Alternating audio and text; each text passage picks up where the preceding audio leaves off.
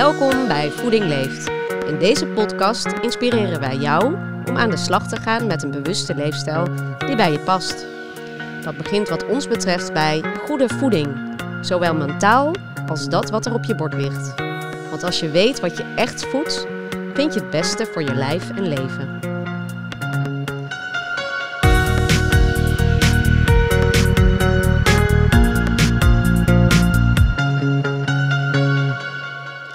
Leuk dat je luistert. Welkom bij Voeding Leeft. We zitten aan tafel met Martijn van Beek, oprichter en directeur van Voeding Leeft. Welkom Martijn. Dankjewel, Barbara. Om te beginnen, wie zie jij als je in de spiegel kijkt? Jeetje, wat een leuke vraag. Ehm, ik zie als eerste, zeker op het moment, een vader van twee jonge meiden van, uh, van 9 en 11. Dat is het eerste wat ik zie. Mooi. Zijn die meiden belangrijk voor jou? Die zijn heel erg belangrijk voor mij. En, en zeker in de fase waarin we nu zijn, omdat ik ze heel veel zie, ehm, zijn ze heel belangrijk voor me. Jij bent oprichter van Voeding Leeft. Dat gaat over leefstijl. Wat betekent leefstijl voor jou? Um, een manier van leven. Uh, ik geloof heel erg in, uh, in het zelfherstellend vermogen van de mens. En als je daarin gelooft, ja, dan gaat het eigenlijk bijna allemaal over, uh, over leefstijl. Uh, en leefstijl is voor mij veel breder dan alleen maar eten. Het is ook hoe ik me, uh, wie laat ik toe in mijn, in mijn systeem? Hoe adem ik? Uh, wat doe ik aan beweging? Ben ik gestrest of niet? ja, het omvat eigenlijk zoveel meer dan alleen, dan alleen eten. Oké. Okay. Um, je zei net, je had je twee dochters. Met wie woon jij nog meer samen? Met mijn vrouw. Hey, en wie kookt er bij jullie altijd? Annemarie kookt uh, meer dan. Uh, we koken allebei wel, maar uh, zij kookt wel iets meer. Koken jullie ook samen? nee, grappig. Nee, daar is ook een reden voor. Zit ik nu te bedenken. Um, ik kook volgens een recept. tenzij ik die recept natuurlijk al heel lang in mijn hoofd zit. En zij kookt juist niet volgens een recept. Dus zij kan koken met datgene wat er in de koelkast ligt. En ik vind dat lastig. Dus als wij dan samen gaan koken, dan, dan, dan gaat dat niet goed. Is niet zo gezellig. Nee. Hoeveel stappen zet je per dag? Um, Zo'n 8, 9000. Nee, nee, 10.000. Eerlijke antwoord haal ik, niet, uh, haal ik gemiddeld niet. En hoe kom je tot die stappen? Um, combinatie van fietsen, maar dat telt minder. Hè. Ik, ik loop heel veel. Ik wandel. Ik woon in een klein dorpje boven Amsterdam. En ik wandel veel in de natuur. En dan bel ik ook veel. En uh, dus een groot deel van mijn stappen haal ik door wandelen. En ik, uh, en ik loop één keer per week ongeveer hard.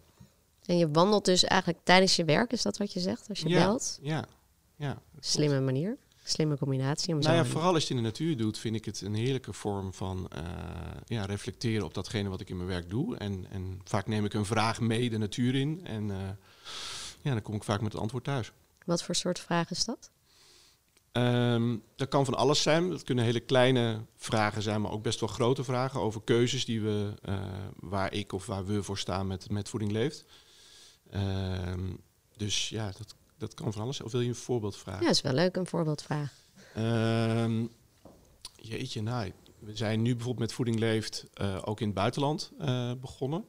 En nou, dat heeft dan een paar keer geleid tot de vraag van, goh, wat hebben wij eigenlijk te zoeken in het buitenland? Is dat wel iets voor ons? Of hebben wij eigenlijk uh, primair onze taak in Nederland uh, te doen, waar namelijk genoeg te doen is? Ja, dus een wat of een waarom en je hoopt daarmee het antwoord te krijgen. Ja. En hoe krijg je dat antwoord dan? Um, ja, hoe krijg je dat antwoord? Um, door in stilte uh, te gaan. Um, door er een beetje op te kouwen. Soms komt het vanuit een denkproces, soms ook gewoon spontaan ineens. Komt er iets van een antwoord waarop ik dan weer door kan kouwen. Ja, dat klinkt heel cryptisch en abstract, maar op de een of andere manier werkt het wel zo bij mij. Hoe belangrijk is ontspanning daarin voor jou? Heel erg belangrijk, omdat juist vanuit die ontspanningen uh, ontstaan vaak de antwoorden. Een ander goed voorbeeld is, dat herkennen mensen denk ik wel, als ik ga douchen s ochtends, dan uh, zit er vaak ook toch al een vraag. Want als ik opsta, dan ga ik eigenlijk al aan. Um, uh, en dan ga ik de douche uit en heb ik soms ook het antwoord. En dan is dat douchen voor mij, ik douche wel wat langer dan gemiddeld, is dan een, vorm van ontspanning. Um, eh, die meteen eigenlijk dus ook een functie heeft. Als ik het goed begrijp, er gaan heel veel vragen in jouw hoofd om. Ja, En jij zoekt ook manieren om die antwoorden, de antwoorden op die vragen te krijgen door op wat voor manier ook dan te ontspannen. ja ik combineer graag dingen. En is er voor jou ultieme ontspanning? Ehm, ja, zeker. Ehm, de sauna is ultieme ontspanning voor mij. Dan kan ik echt mijn hoofd even uitzetten. Dat is dan wel belangrijk voor me. En dansen.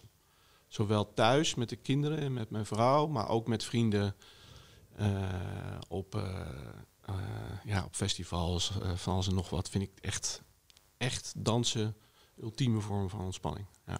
Wat voor soort muziek? Eh, dat kan behoorlijke uh, uh, housemuziek zijn. Maar dat kan ook nog pop zijn uit, uit, mijn eigen, uit mijn eigen jeugd, zeg maar. Dat kan van alles zijn, heel breed. En met de kinderen, wat doe je dan het liefst? nou, mijn oudste dochter van de elf wil steeds vaker graag muziek die je ook wel op slam en zo hoort. Dus flinke house. Ehm, maar ook, ja, ook pop, allebei. Ja. Mooi. Dochter naar je hart. Dochters Zeker, naar je hart. Zeker. Ja. Hoe is het met je slaap gesteld? Ik ben vorige week 48 geworden en um, ik, ja, dat, dat, is altijd vervelend voor een man om te zeggen, maar dan, ik heb nu al sinds een tijdje dat ik s'nachts toch wel een keer uit bed moet, omdat ik naar de wc moet. En dat vind ik eigenlijk Mm. ontzettend vervelend en irritant, want ik kan eigenlijk heel goed slapen, ik val goed in slaap, ik slaap goed door. Maar doordat ik er dus uit moet om naar het toilet te gaan, um, ja, verstoort dat eigenlijk toch een beetje mijn slaap. Dus dat maakt dat ik hem een 8 geef en niet een 9 of hoger.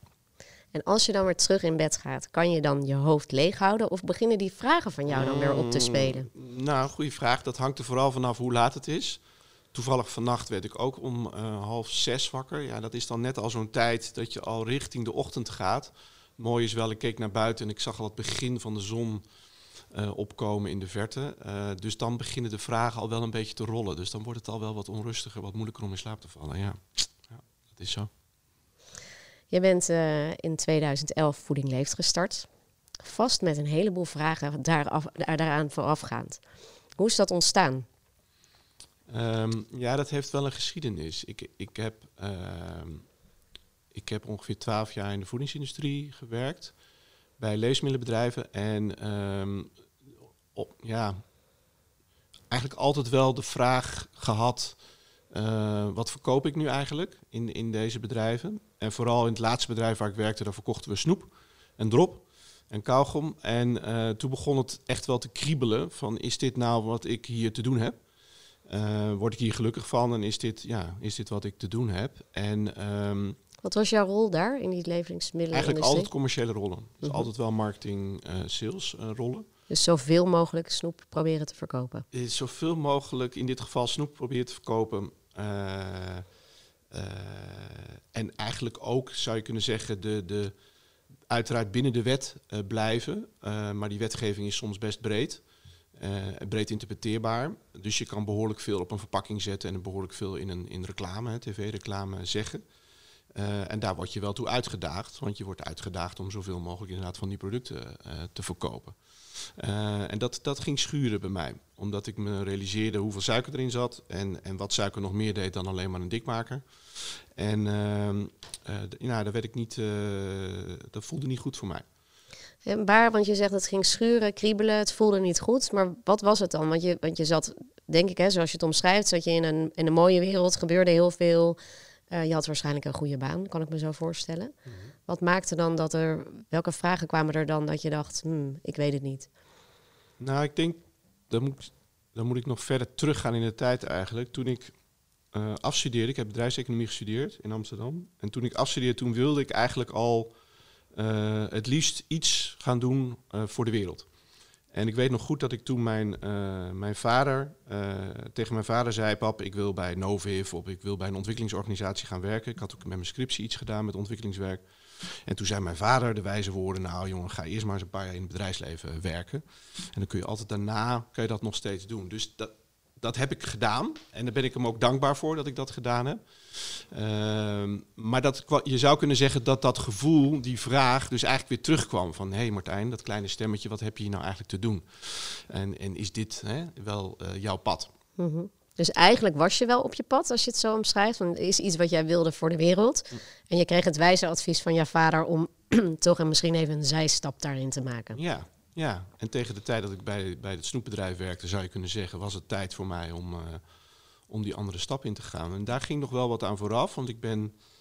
Ik heb de, de luxe gehad dat we wat spaargeld hadden en dat ik eigenlijk uit het bedrijfsleven ben gestapt. En uh, een reis heb gemaakt, een jaar ben gaan reizen rond de wereld. En uh, ja, dat had zoveel invloed en impact op, uh, op de keuzes die ik gemaakt heb en waar ik nu sta. dat was denk ik, zonder die reis was dat misschien niet eens gebeurd. Wat heb je gezien? Um, nou, gezien, ik heb heel veel gezien, maar ik heb vooral ook veel ervaren. Uh, eigenlijk is de, de, het sleutelwoord binnen voeding leeft uh, van ervaren. Hè, de, de, het, het, mensen laten ervaren wat een andere leefstijl met ze doet. Dat komt heel erg voort uit mijn eigen ervaring in die reis. Um, ik ben gaan ervaren wat uh, anders leven, anders eten, anders voeden, wat voor impact dat op mij heeft. Ik ben ook gaan ervaren hoe belangrijk geld, inkomen, vermogen voor me is. ik toen met mijn vriendin, wat nu mijn vrouw is, Annemarie realiseerde me dat we eigenlijk heel gelukkig waren op de dagen dat we eigenlijk helemaal geen geld uitgaven. Dus dat was een enorm belangrijk inzicht voor mij, wat ik op die reis kreeg. En gemaakt heeft onder andere dat ik, dat, dat ik het een, als een stichting ben gestart. Um, maar ook de impact van eten. we zijn op een, op een boerderij gaan werken. We zijn een aantal weken gewoon even gestopt, anders gaan eten. Even geen koffie, geen alcohol, geen vlees. Best wel sober.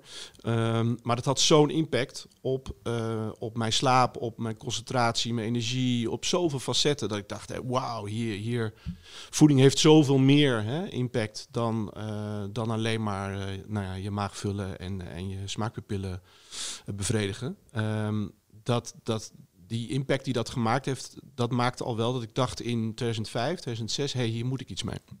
Klinkt als een enorme reis. Dus je ging een jaar op reis. Uh, waar begon je toen? Want wist je meteen dat je een jaar op reis ging? Uh, nee, ik, ik, we zouden eigenlijk maar een half jaar gaan. En ik kon ook terug bij het snoepbedrijf, weet ik nog. Uh, ze zeiden, je kan gewoon terugkomen. Ik zei, nou, we gaan het wel zien. En uiteindelijk zijn we een jaar weg geweest. Dus we hebben het verlengd, omdat het zo goed beviel. En, uh, en we merkten dat we eigenlijk maar heel weinig geld uitgaven. Dus nou, dan kan je ook wat langer hè, reizen. Um, het duurde wel drie maanden, dat vond ik heel integrerend. Het duurde drie maanden voordat eigenlijk dat hele oude leventje van die voedingsindustrie en, en toch dat, dat, dat systeem waar ik in zat en in werkte, um, voordat dat uit mijn systeem was, uit mijn dromen was, uit mijn, uh, want het is, ook een, een, een, het is ook een warm bad natuurlijk waar je in zit. Um, dat duurde drie maanden voordat dat helemaal uit mijn systeem was en ik als het ware vrij kon denken over, oké, en nu? Wat wil, wat, wat, wat wil ik wel graag, hè, wat, wat zou ik nu graag willen doen en wat is de volgende stap die ik wil nemen? Je noemt drie maanden. Kan je nog dat moment herinneren? Weet je waarom het drie maanden was? Weet je waar je was? Nee, die, dat, nee, dat moment na die drie maanden weet ik niet meer. Ik weet nog wel het moment dat, ik, dat we die, wat ik net zei, die, die twee weken uh, heel anders waren gaan eten. In Nieuw-Zeeland was dat dat, dat moment en die plek zelfs in, in, uh, in Nieuw-Zeeland kan ik me nog wel heel goed herinneren. Dat, ik, dat het echt zo indaalde van, hé, hey, hier moet ik iets mee. Hier, hier ga ik, ik ga niet meer terug straks. Sowieso dat snoepbedrijf is niet meer aan de orde. Uh, volgens mij heb ik hem dat toen ook gemaild, mijn oude baas. En, en uh, ik, ga echt, ik ga echt een andere, andere weg in. En ik ga, iets, ik ga hier iets mee doen met deze ervaring. Ja. En waarom was het niet meer aan de orde om daar terug te gaan? Um, omdat het mij niet. Uh, uh, om, hoe zeg je dat? Omdat het mij geen. Uh, ik, ik, kan alleen maar op het Engelse woord komen. Fulfilde. Het, het gaf mij niet. Het gaf mij niet meer die bevrediging, voldoening. voldoening. Het gaf mij niet meer die voldoening die ik, ja, die ik toch, die ik wel zocht. Ja. En zou het ook kunnen maken te hebben dat je misschien iets groters te doen had? Of iets hè, met dat stuk wat je zei over de wereld. Dat je dat je misschien jouw krachten op een andere manier moest inzetten? Uh, wellicht. Ja, dat vind, ik, ah, dat vind ik op de een of manier aan anderen om dat misschien wel te denken of te bepalen en niet aan mezelf. Maar um, ja, het interessante is dat ik toen ik terugkwam, heb ik nog bijna twee jaar in de biologische sector gewerkt. En dat was eigenlijk helemaal, dat was best een pittige tijd, omdat ik terugkwam in een wereld waarin ik dacht, nu heb ik iets, uh, nu heb ik iets bij te dragen. Maar kwam eigenlijk in een bedrijf terecht wat nog steeds beursgenoteerd was. En dat was eigenlijk ontzettend pijnlijk. Uh, eigenlijk was het veel leuker om in een snoepbedrijf te werken, want het was in ieder geval duidelijk, we zijn hier met z'n allen bezig met snoep te maken en zoveel mogelijk snoepjes te verkopen. En nu werkte ik in een bedrijf wat biologisch eten verkocht, maar uiteindelijk met een, met een eigenaar die uh, eigenlijk vond dat dat er nog steeds zoveel mogelijk geld verdiend moest worden voor de aandeelhouder. En niet zozeer dat doel had om de wereld een beetje mooier te maken. Dus dat was eigenlijk voor mij veel pijnlijker. Uh, maar dat had wel een functie. En ik, ik weet ook nog goed dat mijn eigen vrouw zei dat vaak tegen me van ja, het, het is nu zwaar, het, maar het heeft een functie dat je hier nu werkt. En dat bleek ook zo te zijn, want ik had op de een of andere manier die, die tussenstap nog nodig om uiteindelijk die stap te maken naar echt helemaal uh, mijn eigen pad uh, te gaan. Ehm, en, nou ja, en dat eigen pad was dus uiteindelijk voeding leeft. Ja, om echt helemaal los te komen. Um, wat, en, en terug te gaan naar je pad, wat je heel sterk al benoemde. De lessen van je vader, deze nog eventjes erbij om vervolgens dat pad in te gaan. Ja. Je zei, het is aan anderen om dat misschien te zeggen dat je iets groters te doen had, hebt. Um, stel je voor dat je eventjes afstand kan nemen van jezelf en daarnaar kijkt wat er, hè, waar we nu staan met voeding leeft. Wat zou dan de antwoord op, je, op die vraag zijn? Dat je misschien iets groters te doen had voor de wereld? Ja, dan lijkt die wel evident, hè? Interessant, hè? Dat je soms jezelf dan blokkeert. Maar als je zo kijkt, kun je eens omschrijven waar Voeding Leeft nu staat? Met wie je werkt, uh, tot waar dat gegroeid is? Um, ja, ik zeg, ik zeg heel vaak, um, we, staan, we staan pas aan het begin. Uh, dat herken je misschien. Dat, dat, dat zei ik al na een paar jaar en dat zeg ik nog steeds. Uh, dat is deels antwoord op jouw vraag, namelijk um, we hebben in die bijna tien jaar nu uh, iets gebouwd waarvan ik zelf in het begin vond dat het niet snel genoeg ging. Maar dat is ook iets in mijn eigen onrust. ik was gewend dat dingen snel gingen in de, in de, in de bedrijven waar ik werkte. als ik nu terugkijk waar we nu staan, dan denk ik, jeetje, het is, het is juist eigenlijk heel snel gegaan. Dus dat is het relatieve van, van tijd. We hebben een, een prachtige organisatie met een prachtige, gepassioneerde en bevlogen mensen. Die um, eigenlijk nou ja, veel breder dan ik alleen bezig zijn met datgene wat ze diep van binnen uh, graag willen doen. en je kan er ook nog je salaris mee verdienen. Nou, hoe heerlijk is dat? Hè? Maak van je hobby je werk. Um, we hebben echt iets te betekenen voor, voor mensen die de programma's doen die wij uh, ontwikkeld hebben. En we mogen dat tegenwoordig ook al in het buitenland doen. Nou, hoe mooi is dat? Ja, ik, ik, ik vind het. Ik vind het prachtig. Je hebt het over gepassioneerde mensen. Denk je dat die mensen ook op hun pad zijn, zoals, zoals jij dat bent? Ja, ik vind het leuk hoe wij. je kan het een beetje zien aan hoe wij mensen recruteren. Hè? Klinkt het dan zo heel technisch? Oftewel, hoe komen mensen op ons pad? En mijn ervaring is vanaf het begin eigenlijk al, ook bij de mensen waar we, uh, uh, of de organisaties waarmee we contract hebben gesloten, dat zijn eigenlijk nooit organisaties, maar het zijn eigenlijk altijd verbindingen met mensen die werken in een organisatie of in een systeem. En het zijn allemaal mensen geweest, ook bij de zorgverzekeraars, ook bij de overheid, die uh, zelf vonden, die dus kennelijk voor zichzelf hadden ontdekt, hé, hey, dit moet echt anders. Uh, want als we dit systeem, wat toch een systeem is, willen veranderen in de gezondheidszorg, ja, dat is zo groot, dat kun je niet alleen. Dat moet je met elkaar doen. En, maar het moet ook ergens diep van binnen uh, vanuit een bepaalde intrinsieke motivatie komen. Zoals je intrinsiek gemotiveerd bent om aan een programma deel te nemen, moet je ook intrinsiek gemotiveerd zijn om dat systeem te willen veranderen. En, um, en de mensen die bij ons werken, precies hetzelfde. Dus het heeft een enorme, zit een enorme parallel denk ik, in de motivatie realiseer ik me nu ineens van zowel de mensen die bij ons werken als de mensen waarmee we zaken doen, als de mensen die, die deelnemen aan de, aan de programma's. En dat heeft allemaal iets te maken met dat, dat intrinsieke, uh, diep van binnen, uh, wellicht dat kleine stemmetje wat zegt, hé, hey, dit, dit, kan, uh, dit kan anders. En eigenlijk datzelfde stemmetje wat jij toen op jouw wereldreis en specifiek in Nieuw-Zeeland ook gevoeld hebt? Ja, ja, ik denk het wel. Hebben die mensen waar je mee werkt allemaal zo'n reis gemaakt? Of wat zijn zij tegengekomen dat zij dat stemmetje hebben gehoord? Of zijn mensen zo geboren? Of wat, wat zie je? Wat voor mensen zie jij? Nou, veel mensen die, die um, zelf ook op de een of andere manier hebben ervaren dat, dat, dat voeding, zeg maar, even in de brede zin, een bepaalde impact op, op hun had. Uh, wat soms zelfs hun leven heeft veranderd. Um, vaak met eten, met voeding. Uh, en dat, dat heb ik ook gezien bij de mensen waarmee we, waarmee we contracten hebben gesloten. Dat ook zij bij zichzelf of in hun directe omgeving, een van hun kinderen of hun partner of hun, of hun ouders of een goede vriend, die bijvoorbeeld heel erg ziek is geworden en die dat op een andere manier heeft aangepakt. En dat heeft dan zo'n impact gemaakt. Uh, of ze hebben in het ziekenhuis gelegen en hebben ervaren hoe belangrijk het is. Wat voor eten je dan in dat ziekenhuis krijgt of juist niet krijgt.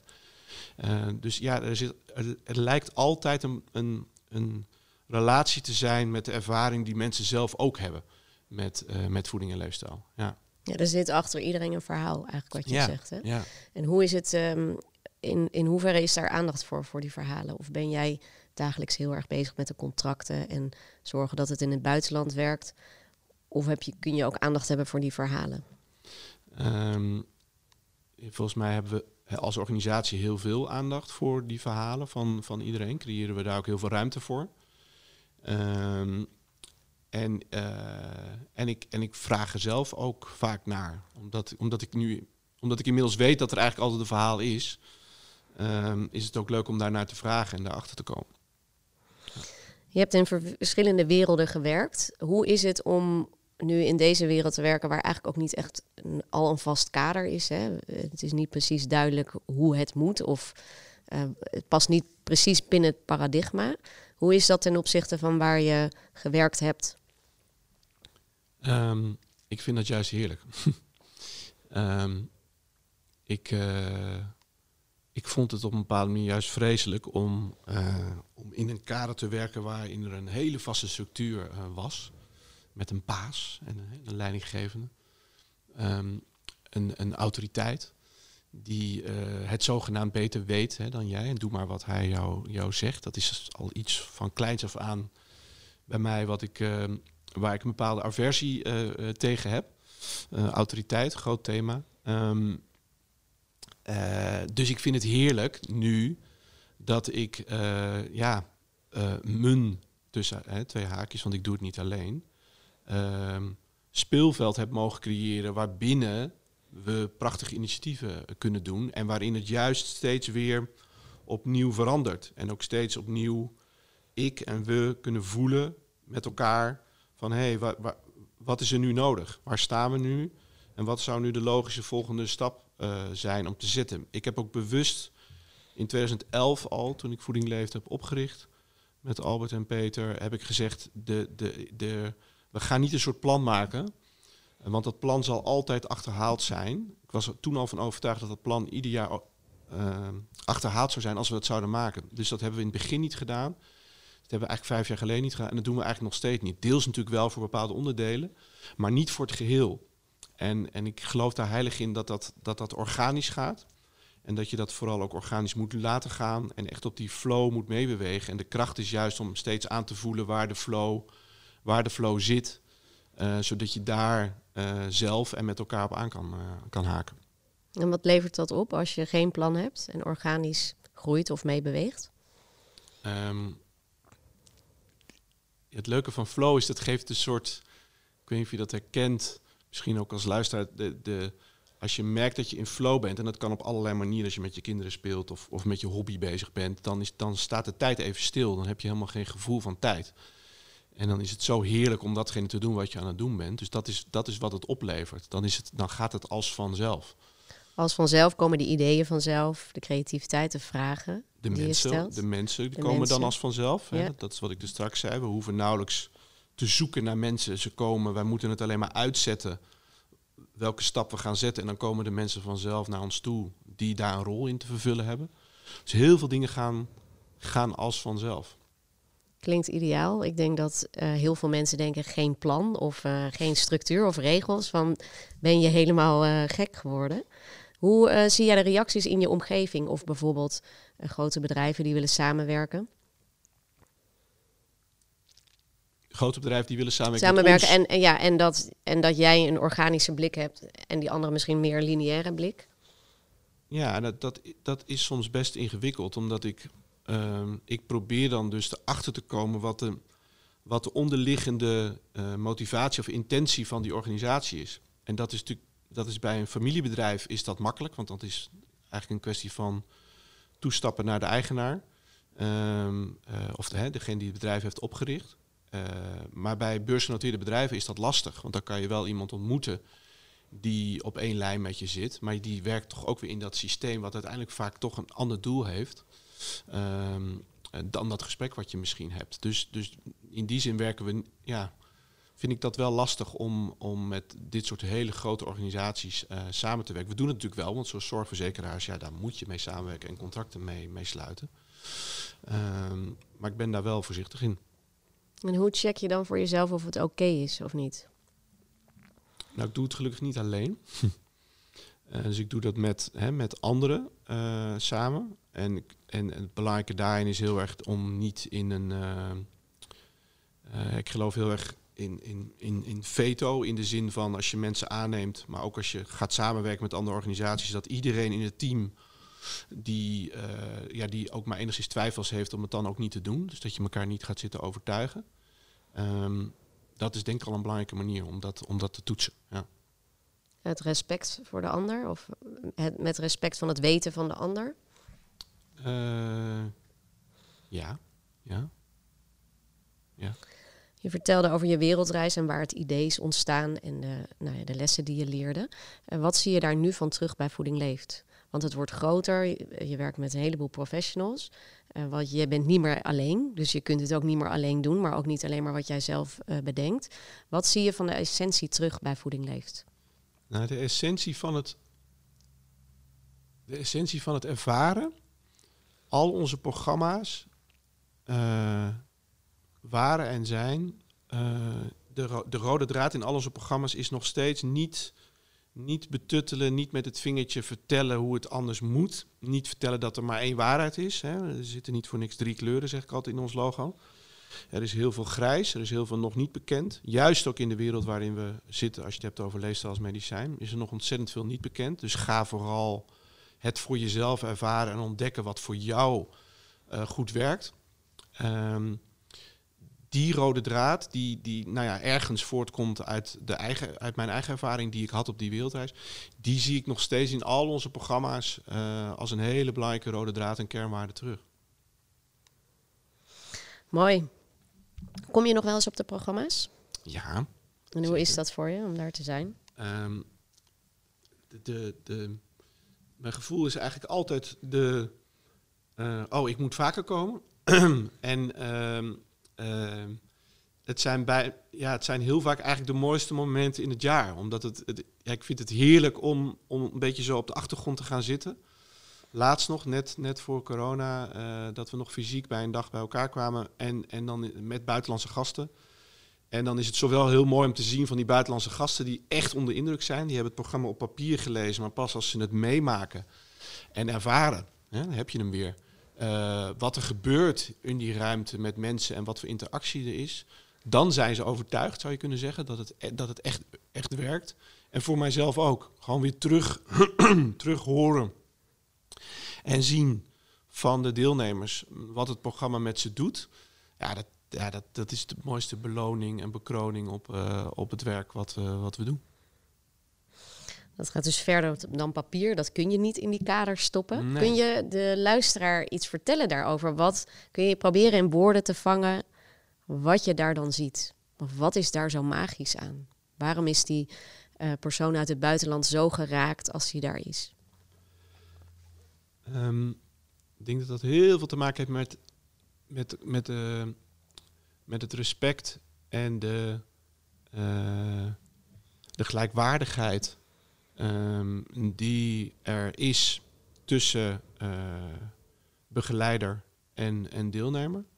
Um, het is niet de begeleider die alles weet en, en de deelnemer die daar maar naar moet luisteren. Nee, het is echt een gezamenlijke reis waar je, waar je met elkaar ingaat. Het is het gezamenlijk proces van de deelnemers um, die elkaar daarin nou, eigenlijk begeleiden en, ins en inspireren.